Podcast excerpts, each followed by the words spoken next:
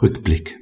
Die NJW vor zwei Jahren Artikel 6 Absatz 3 lit d EMRK garantiert als besondere Ausformung des Fair Trial Grundsatzes das Recht des Angeklagten, Fragen an Belastungszeugen zu stellen oder durch seinen Verteidiger stellen zu lassen. Wird dieses Konfrontationsrecht nicht gewährt, sind die Zeugenaussagen unverwertbar, wenn dieser Mangel der Justiz zuzurechnen ist und wenn die Angaben nicht durch andere gewichtige Gesichtspunkte außerhalb der Aussage bestätigt werden. So hat es der BGH in Heft 4 der NJW von vor zwei Jahren entschieden (NJW 2007, Seite 237).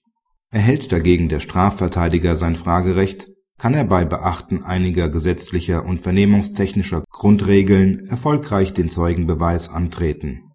Welche Regeln dies sind und wie Zeugen richtig befragt werden, zeigt Ihnen Nils Kassebohm in unserer neuen Rubrik Kanzlei und Mandat auf Seite 200